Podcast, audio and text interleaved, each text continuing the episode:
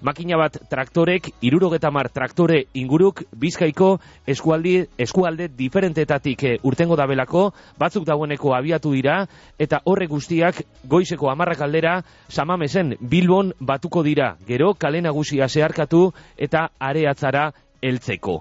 Mungian gure lankidea daukagu, oian eirazu, mungia da, bizkaiko abiapuntu horreetariko bat, eta hotxe, goizeko sortzietan traktoreak urtetako dagoz. Oian eirazu, egunon? Egunon Alfred eta egunon entzule guztioi, bai, alan da, momentu batetik bestera atarako dira amendik eh, bilboruntz, amen dago zan, ba, amar eh, traktore inguru.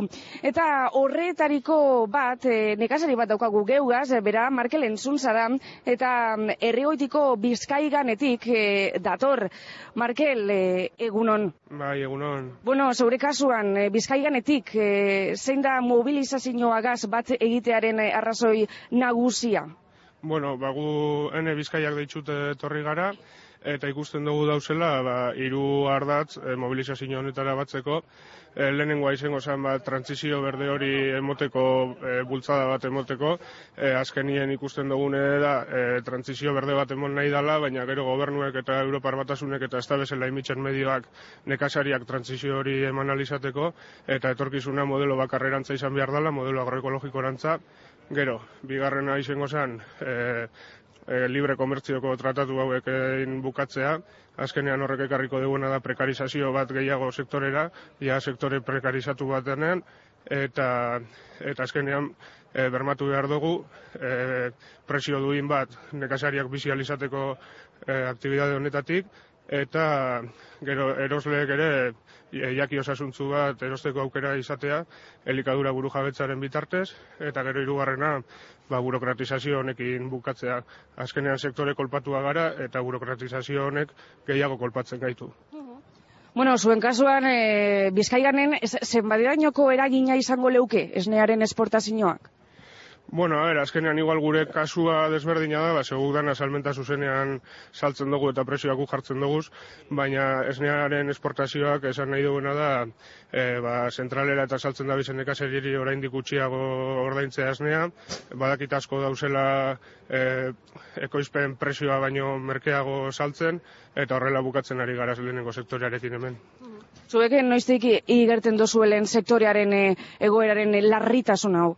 Bueno, egize da azkeneko berrogeta marrutietan ez dela egon e, belaunaldi aldaketa askorik eta eta ikusten da gero eta gitxi haure doala. Ose, azkenien e, zima dozu presio duin bat e, bermatu jende antzat, jende gaztea ez da sektorera animatzen, ba, sektore oso prekarizatua da eta lan asko ordu asko sartu behar dira.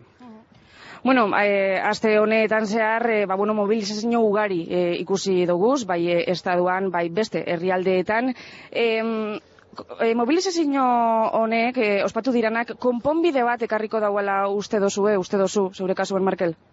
Bueno, a ver, horre desberdin du behar da, egon diren mobilizazio desberdinek, ba, ze azkenean hor agroindustria eta nekazari handiak enpresak eh, sartu dira mobilizazioetan, sindikatuetatik kanpora, eta eskatzen dituzten gauzak, ba, azkenean da, e, tratatu berdeko etorkizun hori atzera botatzea, pestizidak eta herbizidak eta erabilalizatea, eta gura apustua da modelo bakarrerantza egitea, agroekologiarantza, eta, eta medio guztiak jarri behar dira etorkizun berdeago bat, eta osasuntxoago bat, lortzeko.